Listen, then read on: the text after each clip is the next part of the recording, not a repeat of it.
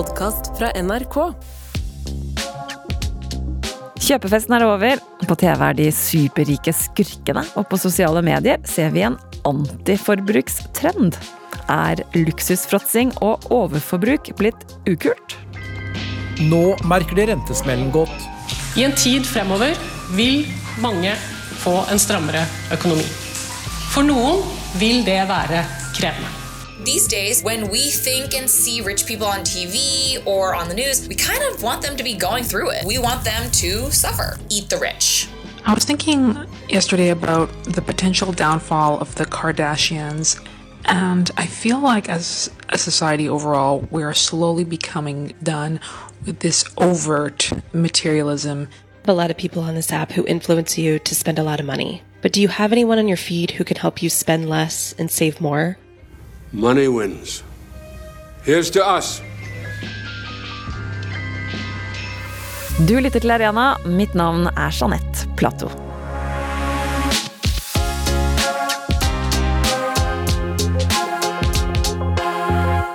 Alt er blitt så dyrt. Du merker det kanskje du òg? Renta går opp og opp, boliglånet spiser opp mer og mer av budsjettet, og matvareprisene går bananas. Undersøkelser viser at stadig flere av oss er bekymra for økonomien.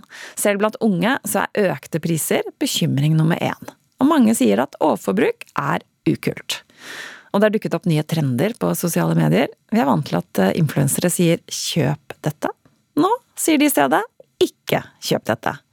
Og oppi alt dette her så er 2023 året hvor vi koser oss med superrike familier på TV som det går skikkelig dårlig med. Som vanlig har jeg tre gjester i studio for å finne ut av ett tema. I dag hva gjør økonomiske nedgangstider med trendene i popkulturen?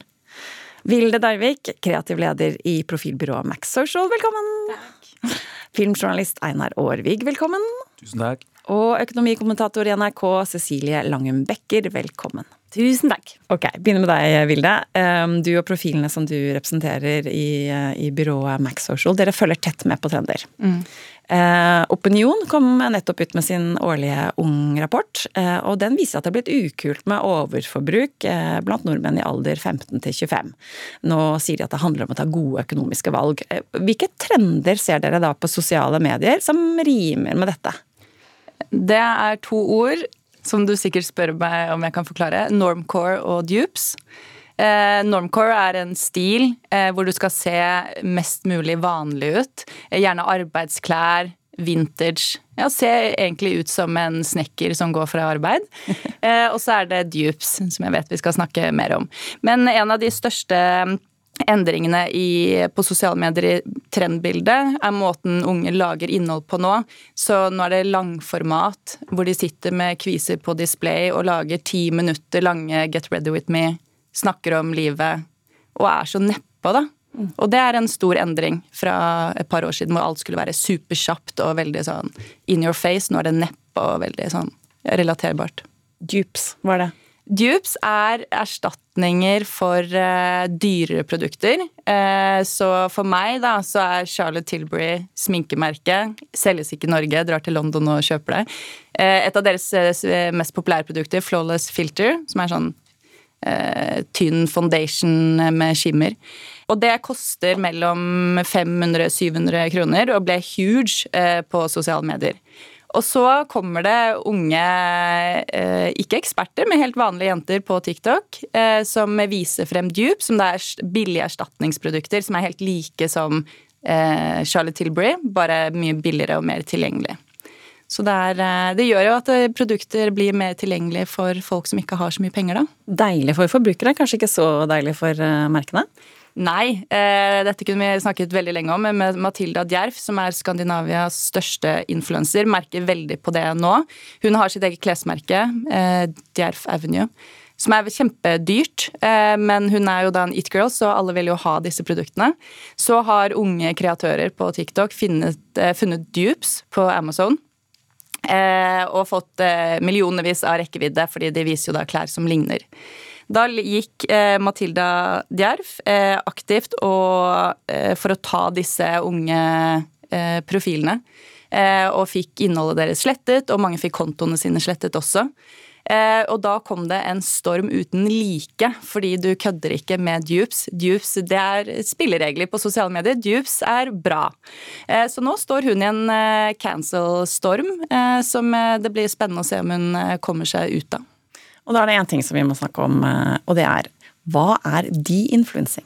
Det er når eh, vanlige folk, men gjerne eksperter, f.eks. hudeksperter, eh, lager innhold og dekoder egentlig et produkt. Eh, som eh, gjør at eh, et produkt som kanskje har ganske god markedsføring, eh, plutselig blir exposed som ikke så bra likevel.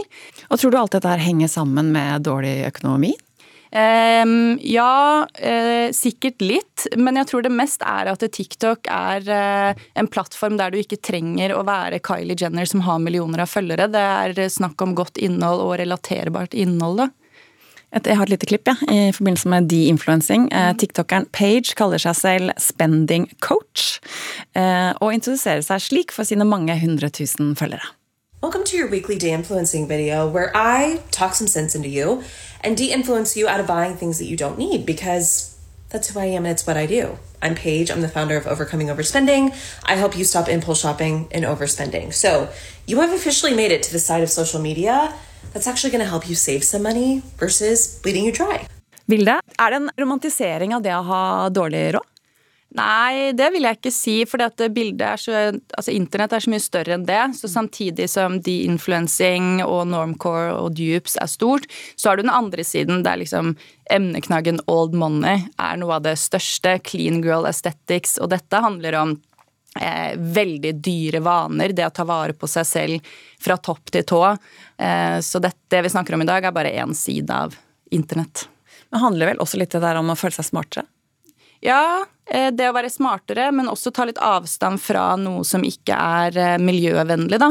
Jeg tror at dette henger mest med det å være miljøvennlig. Eh, det at Kylie Jenner legger ut bilde av to jetfly med caption 'Hvilket fly skal jeg ta i dag?' Det er så kvalmt. Så sitter det unge forbrukere og dropper kjøtt i kantina for å spare miljøet, og så er en av de rikeste i verden står og vurdere hvilket fly man skal ta. Det er kjempeekkelt. Vi skal snakke mye mer om det Kardashians etterpå. Eh, Einar, er du en sånn som eh, går til TikTok eller YouTube for eh, gode råd til hvor du kan spare penger? Nei, jeg er, jeg er, ikke det, altså. Prøver å ty til sunn fornuft. Se, se, se, på kilopris når jeg handler i butikkene. God gamle kilopris. Hva med deg, Cecilie? Eh, altså nå, Vi i NRK har jo ikke lov til å ha TikTok på mobilen vår engang, så det, det, har jeg jo ikke. Eh, selv om jeg jo har hatt det før. Og, men jeg må si at jeg aldri Jeg er liksom akkurat den generasjonen som rakk å ikke liksom lære meg TikTok. Men, eh, men jeg sliter jo mot eh, impuls. Eh, det er impulsive impulsiv hver eneste dag. så jeg hadde sikkert hatt veldig godt av en sånn, en sånn antispendit-konto, ja. Så kanskje lete på Insta istedenfor, som jeg fortsatt har lov til å ha. Cecilie Cecilie, Ung-rapporten viser at økte priser er bekymring nummer én for de mellom 15 og uh, 25. Hvor nytt er dette i nyere norsk historie, at unge bekymrer seg for uh, økonomien på denne måten her? Altså At unge er bekymret for prisvekst, det er jo nytt. Men at unge er opptatt av økonomi Vi, vi har jo stadig vekk sånne undersøkelser i NRK også, og da ser man jo at uh, det unge tenker mest på Skulle tro at liksom, når du tar en undersøkelse blant uh, eh, 20-åringer, hva tenker du mest på? Sex, kanskje? Ikke vet jeg. Men det er det i hvert fall ikke. Det er økonomi. ikke sant? Det er den bekymringen for økonomien. Og det henger nok også sammen med uh, boligmarkedet. Det er jo utrolig vanskelig å komme seg inn på boligmarkedet. Det har bare blitt vanskeligere og vanskeligere. I perioder så har jo boligmarkedet steget så mye at du hadde kanskje råd til en leilighet 1.1, men 1.2 eh, samme år så, så, er den kanskje 150 000 kroner dyrere. Og der liksom røk hele egenkapitalen din. Sånn at den følelsen er at du, du liksom, den der Når du drømmer, ikke sant? du løper og løper og løper, og du, du, du klarer aldri liksom helt å komme deg inn. Da, ikke sant? Den følelsen der den er det mange som er bekymret for. Eh, hva er det som gjør at de er så bekymra nå, tror du? Det er jo fordi vi har hatt veldig kraftig prisvekst de siste par eh, årene. Eh, og som de 20 årene før der så har man nesten ikke hatt prisvekst. altså Den har vært veldig, har vært veldig lav. Det har ikke vært liksom det som har vært samtaleemnet. Men det er klart at de som er unge nå, som jo, om de er studenter eller om de akkurat har begynt å jobbe, så er det jo de som kanskje da har dårligst råd. Det er de som merker det mest når prisene øker i butikken. For de bruker jo en mye større andel av lønnen sin på de der basistingene. Tingene, altså melk og brød og, og disse tingene her. Og man merker jo også selvfølgelig at det er mye dyrere å gå ut og uh, festivalpass og alle disse tingene her som, uh, som man har liksom lyst til å bruke penger på. Uh, så det er klart at de merker jo det man kaller for dyrtiden. det er jo egentlig et veldig sånn gammeldags uttrykk, dette med dyrtid, som har på en måte kommet opp igjen etter at det var dyrtid da, på slutten av 70-, begynnelsen av 80-tallet. Liksom Hva er dyrtid?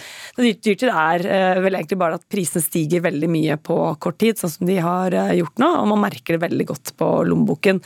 Så merker man det også selvfølgelig på, på renteoppgangen for de som har eh, boliglån, og så merker man det hvis man har flytende rente på studielån også. Så, så, det er jo klart at eh, lommeboken, spesielt til unge, og de som har minst, de, den er jo veldig mye slankere nå. Så det er, det er klart at dette er på toppen av listen over bekymringer for unge.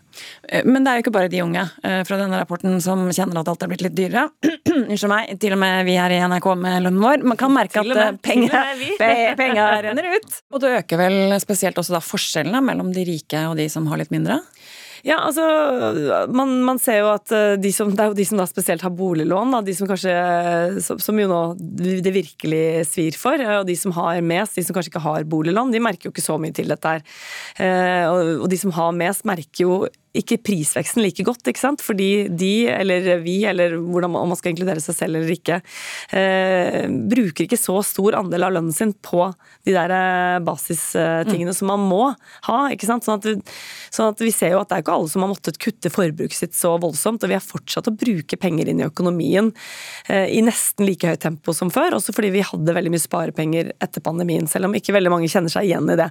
Så det blir et lite skille her, eh, og vi så jo det også gjennom eh, pandemien pandemien. De som eh, Vi hadde liksom en 10% som, som ble permittert, og som gikk på mye lavere lønn. Eh, og så var det resten som bare som kjøpte hytter og pusset opp og kjøpte nye biler, ikke sant? Fordi, fordi, fordi rentene var så lave. Altså, vi, hadde, vi hadde en styringsrente på null som jo er helt sånn historisk og helt uhørt, egentlig. Så, mm.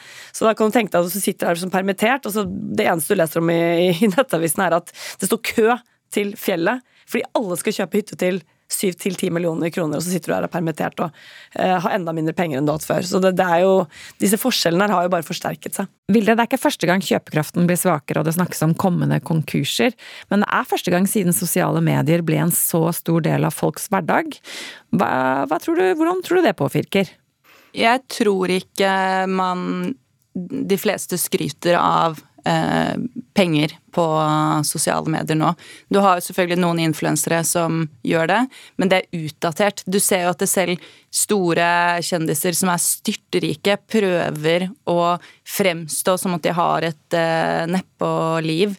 Uh, og veldig mange av influenserne startet jo der. At de startet på pikerommet, var som alle andre, og så plutselig er du superstjerne og hoster afterparty til Vogue, og så må du likevel prøve å rela være relaterbar, da. Ja, Nå skal vi snakke om The Kardashians, men først må jeg mm. spørre deg, Einar. Eh, hvis jeg sier The Kardashians til deg, hva tenker du på da? Overflatisk rikdom. Altså rikdom og uh, glamour og, og, life on the high street i Hollywood. Da. Hvite smil og mye diamanter og sånn florlette intriger, innbiller jeg meg også at det er. Så virker det som de har en sånn liten finger på samtidspulsen. Da. Det var vel noe sånn kjønnsoperasjon eller noe sånt der også. at de på måte er, de, de fremstår som en moderne, progressiv og kjemperik familie. da. Nå, for, nå, nå, ser jeg det, sitter jeg på jorda og ser det på Mars uh, her, liksom. Det er ganske lang avstand. jeg har ikke så kontroll. Vilde, du er litt tettere på, på familien, sånn sett. Eh, hvordan eh, rimer det Einar beskrev nå, med, med stemningen? Hva, de, hva, hva, hva, gjør de nå? De har jo vært på, på toppen av mm. tronen mm. av sosiale medier som familie lenge nå. Hva skjer?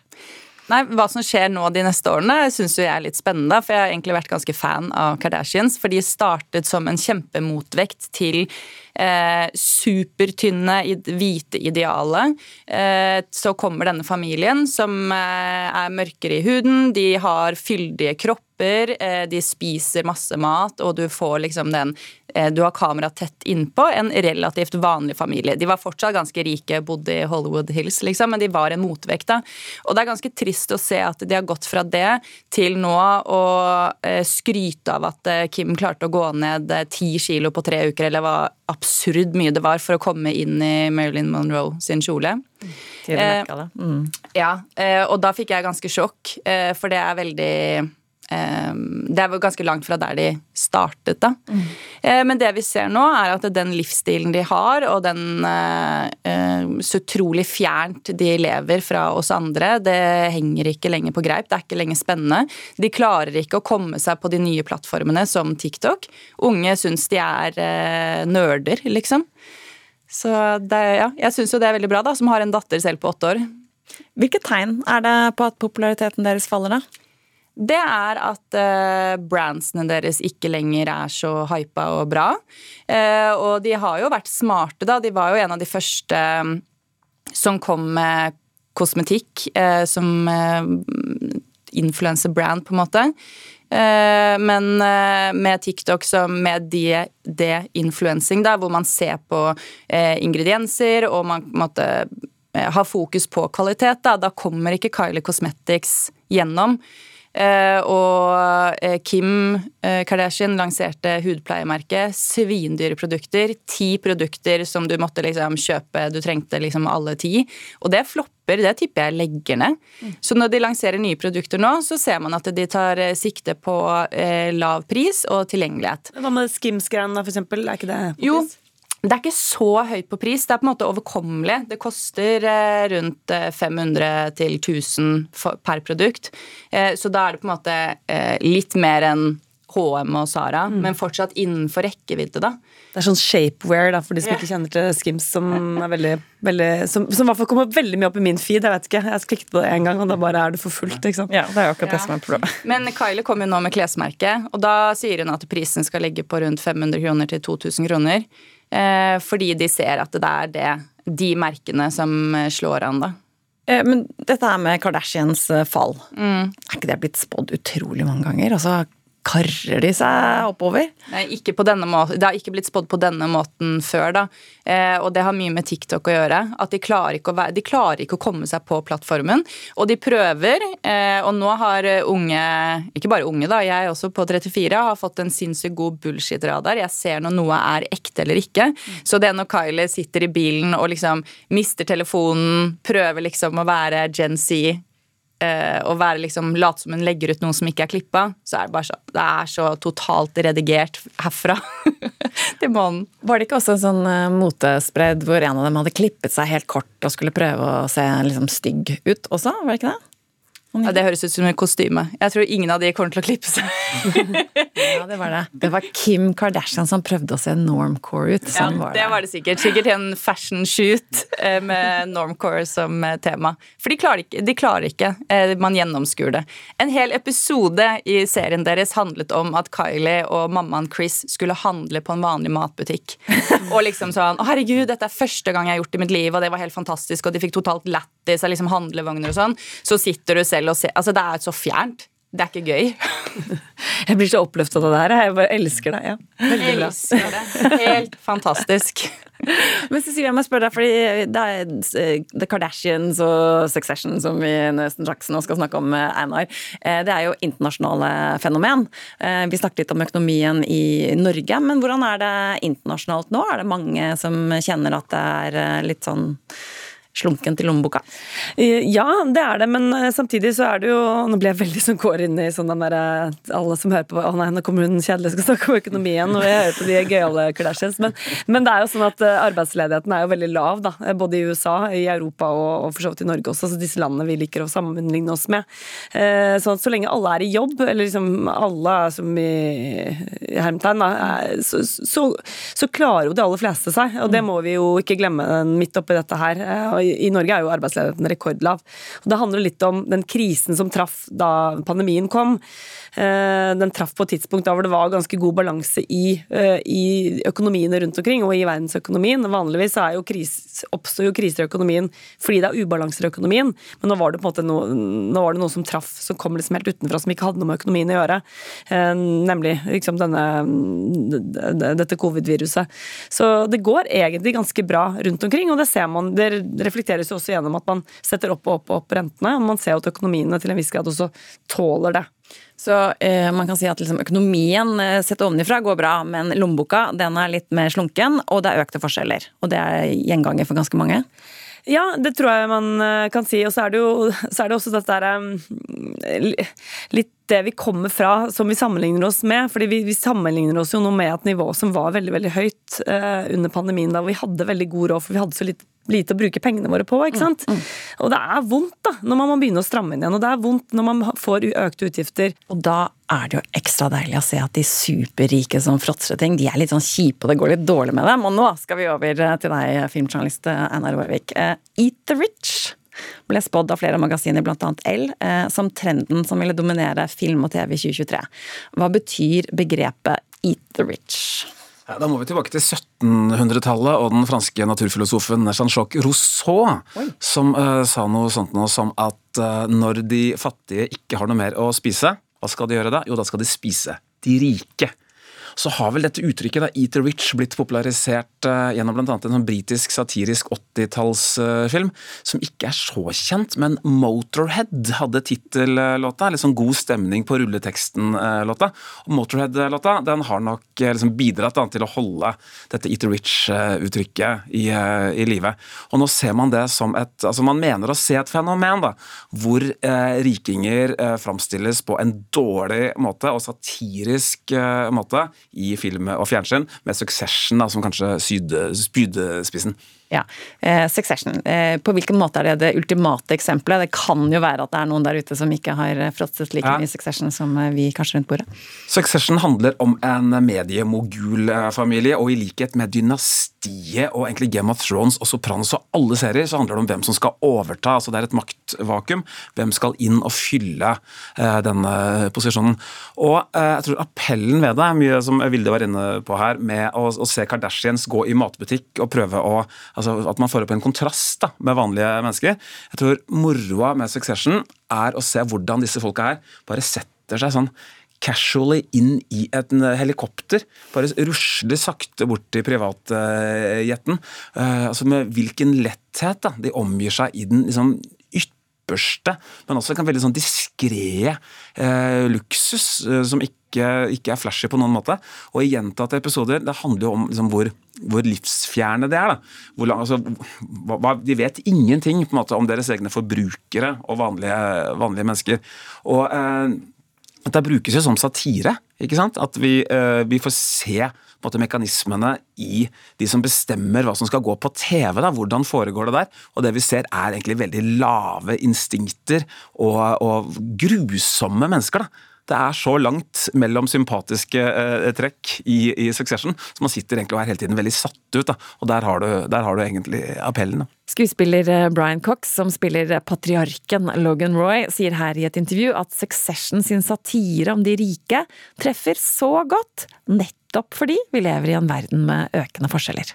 We live in this age of the ultra rich, and we see it all the time with the horrible Trump and uh, Musk, Elon Musk, and Bezos. We see the, the rich are getting richer, and the gap, the poor are getting poorer. And then the other thing that goes with the rich is this sense of entitlement. And that's what you're dealing with in the show. And it's, it's satirical, but it's also about the state of the world as it is at the moment. And that's why I think it's a very original and very unique show in that way. Og så sitter man vel ikke bare og er satt ut, man er vel også litt sånn Man kjenner seg litt sånn moralsk bedre, på en måte? Ja, jeg tror nok det, det kan nok eh, spille inn. Altså. Det er i hvert fall en sånn eh, Man føler seg i hvert fall som en kikker.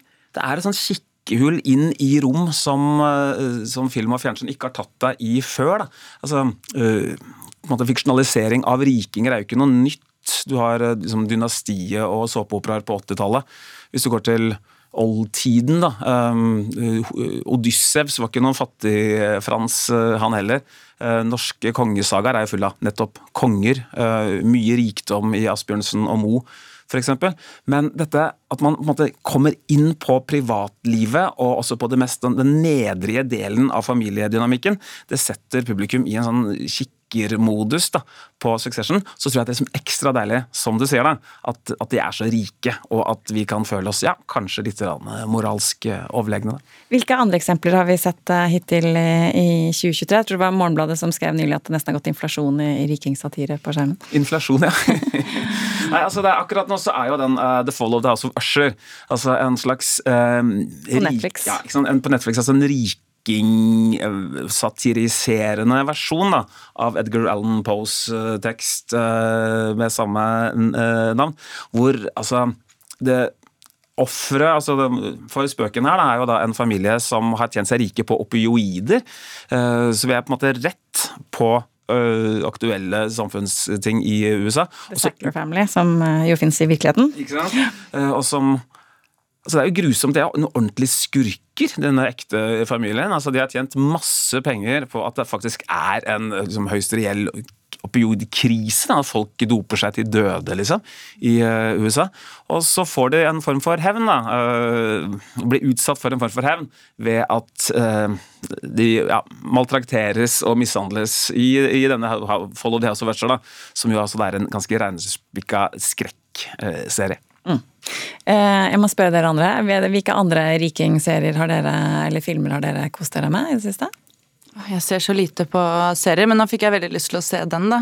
Eh, Det jeg tror eh, er veldig attraktivt med å se rike eh, ha det vondt, er jo fordi Altså, Tenk hvis jeg kunne fått 100 millioner kroner. Jeg hadde blitt så lykkelig. og da hadde jeg liksom bare, ah, fader, jeg hadde kost meg sånn. Og da er det deilig å på en måte få se at de som har 100 millioner Det blir bare formuesskatt. På formuesskatt er gaven Cecilien!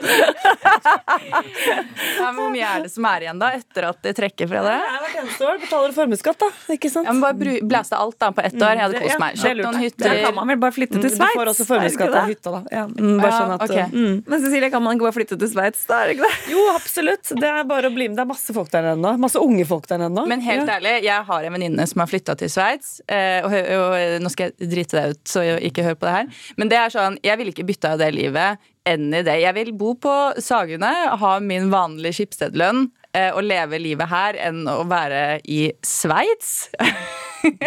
da, ja, jeg tror ikke det er verdt det. Tilbake til serier, eh, Einar. Vi har vel White Lotus, Exit, ikke minst. Exit, ikke minst. Jeg syns Exit er et, eh, veldig interessant eh, fenomen, fordi første sesongen hadde en sånn en sånn grøtete kvalitet, syns jeg. Hvor den på den ene siden var en ganske sånn skarp eh, satire eh, mot, mot eh, måte de som gjør seg rike, kanskje på andres bekostning. Da.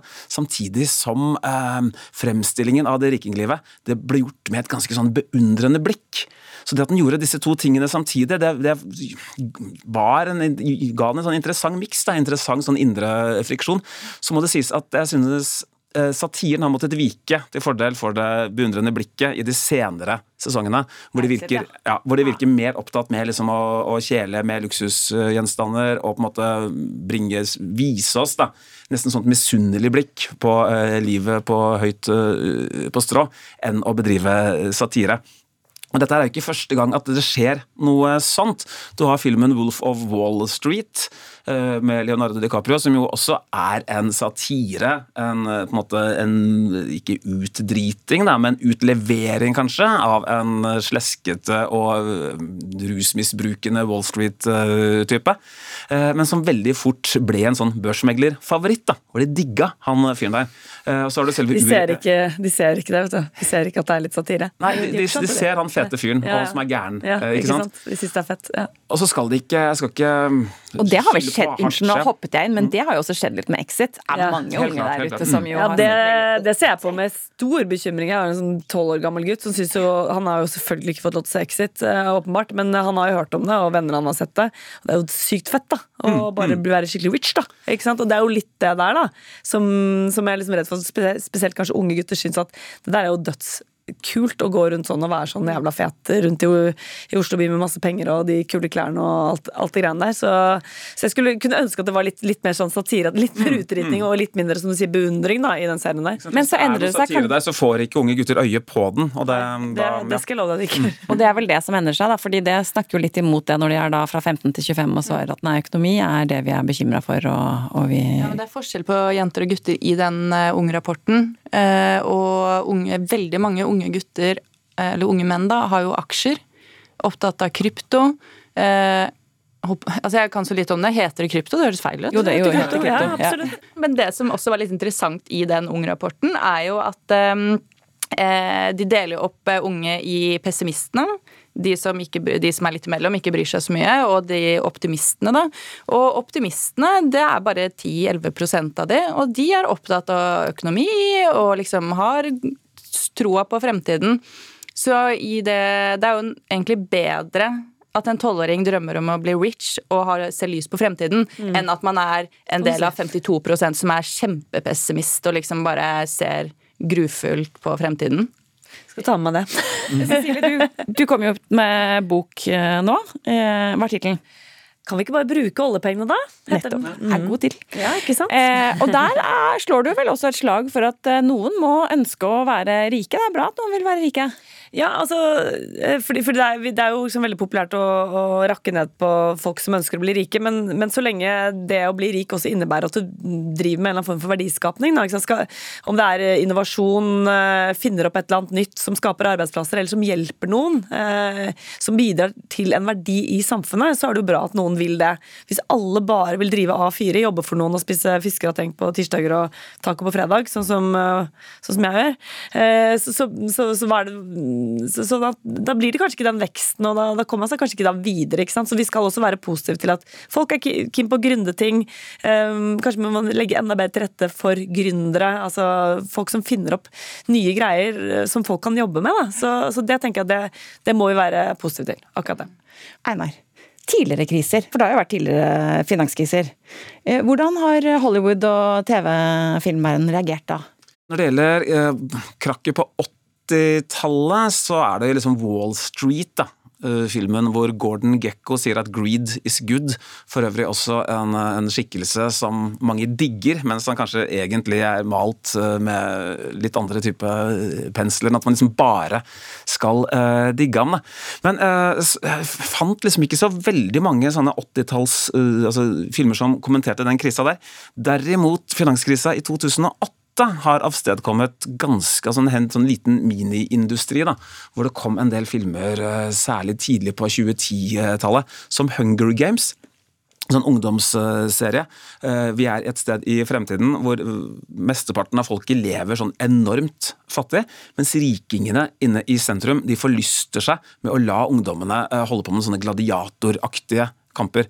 Og her er det veldig breie pensler. Det her er altså, fattigfolk i strieskjorte og rikinger i sånn trollmann fra Oss, nesten sånn ekstravagante flosshatter og lommeur og monokler og liksom klisjeen av kapitalister, eh, nærmest. Da. I 2013 kom jo også The Wolf of Wall Street, som jeg også leser som et svar på finanskrise. Man har jo um, The Big Short, som er blitt en slags moderne klassiker, som ved relativt enkle pedagogiske grep da, klarer å fortelle folk hva shorting er for noe. Og veldig kjekke skuespillere. på Kjekke, kjekke skravlete, glade skuespillere.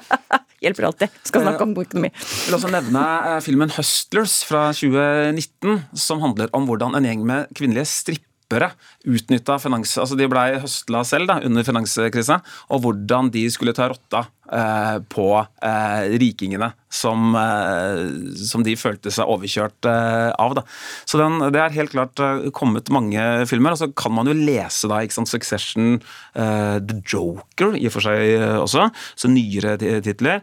The Boys, Don't Look Up, Ruben Østlunds Oscar-nominerte gullpalmevinner Triangle of Sadness alle disse filmene her kommenterer den, ja, det fallet i økonomi da, som vi er inne i nå. Og ikke bare fallet i økonomi, men også denne forskjellen mellom fattige og rike. Da.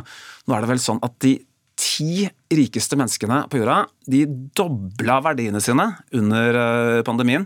Og til sammen eier disse uh, ti uh, mennene her, det er vel bare menn, de eier mer enn det de fattigste tre milliardene mennesker gjør uh, til sammen. Og det er klart at Når man får sånne tall, så er det, det er godt materiale da, for film- og, og serieskapere å ta tak i.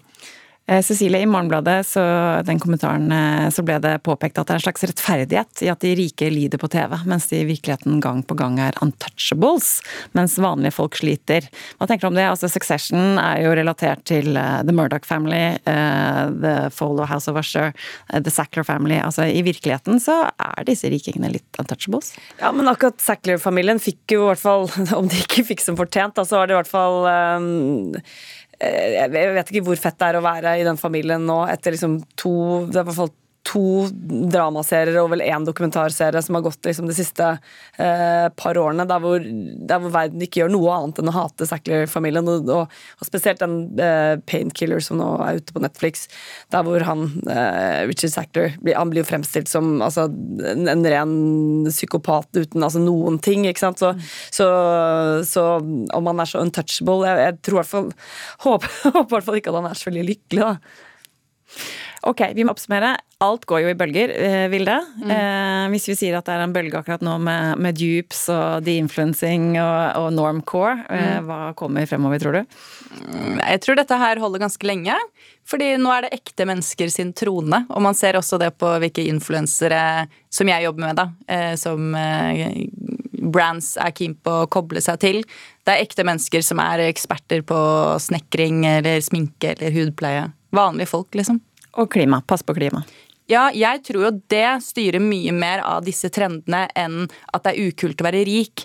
Eh, fordi eh, trender med mote og klær, det går på kvalitet og bygge seg opp en basisgarderobe som varer lenge. Eh, og da går det ikke så mye på penger, men rett og slett miljøet, da. Mm. Cecilie, hva, hva, kommer fremover nå? Vi er, vi er vel ikke på bånn helt uh, ennå?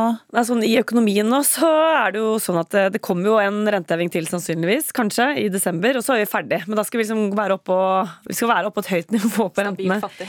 vi skal stabilt eh, litt sånn fattigere, i hvert fall. I to-tre to, år fremover eh, kan vi regne med. Sånn at vi må regne med å Hvis du hvis du betaler mye på boliglånet ditt nå i renter, så, så må du regne med to-tre år til. Sånn at uh, kanskje ikke man skal legge inn de liksom, feteste feriene eller de veldig store tingene nå de neste to-tre årene, men fokus på da uh, ha muligheten til å betjene boliglånet sitt, rett og slett. Dødskjedelig, I know.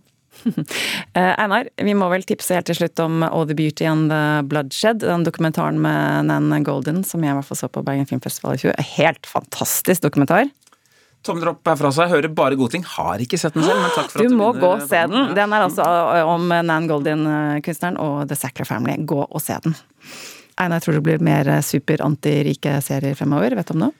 Succession satte jo eh, finale med et eh, Altså, det var jo enormt. Eh, jeg håper nå at kameraet legges litt lenger ned i hierarkiene, og at vi kanskje får flere filmer om vanlige folk.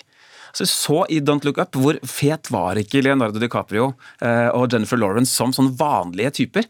Mer eh, av det, og kanskje, og, og kanskje litt rikinger i, i, tillegg også. Det er gøy at vi avslutter med det vanlige folks tur. Eh, tusen takk, eh, Vilde Darvik, kreativ leder i profilbyrået Max Social, filmjournalist Einar Aarvik og økonomikommentator i NRK Cecilie Langum Becker. Du er aktuell med boka Kan vi ikke bare bruke oljepengene nå, Cecilie?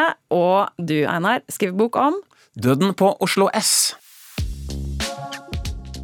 Vil du lese mer om disse antirike seriene, så kan du gå på nrk.no og lese det NRKs kulturkommentator har skrevet. Det skumleste i år er de rike.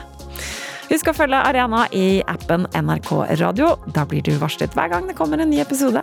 Og likte du det du hørte, så si gjerne ifra om Arena til en venn. Du kan også sende oss en melding i den appen. Arena lages av journalist Jostein Gjertsen. Vaktsjef er Andrea Kvammehagen. Kulturredaktør er Helene Hillestad. Og jeg heter Jeanette Plato. Takk for nå!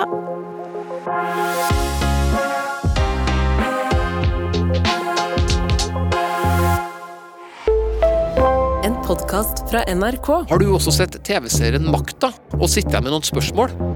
Det har i hvert fall jeg. Jeg heter Torkil Risan og lager podkasten Seriesnakk. Her får jeg serieskaperne og skuespillerne i serien til å ta det med bak i kulissene, men også dem som faktisk var der da det skjedde, til å fortelle sine historier. Og lurer du på noen ting, så kan du stille spørsmål til de involverte i appen NRK Radio. Hør Seriesnakk i appen NRK Radio.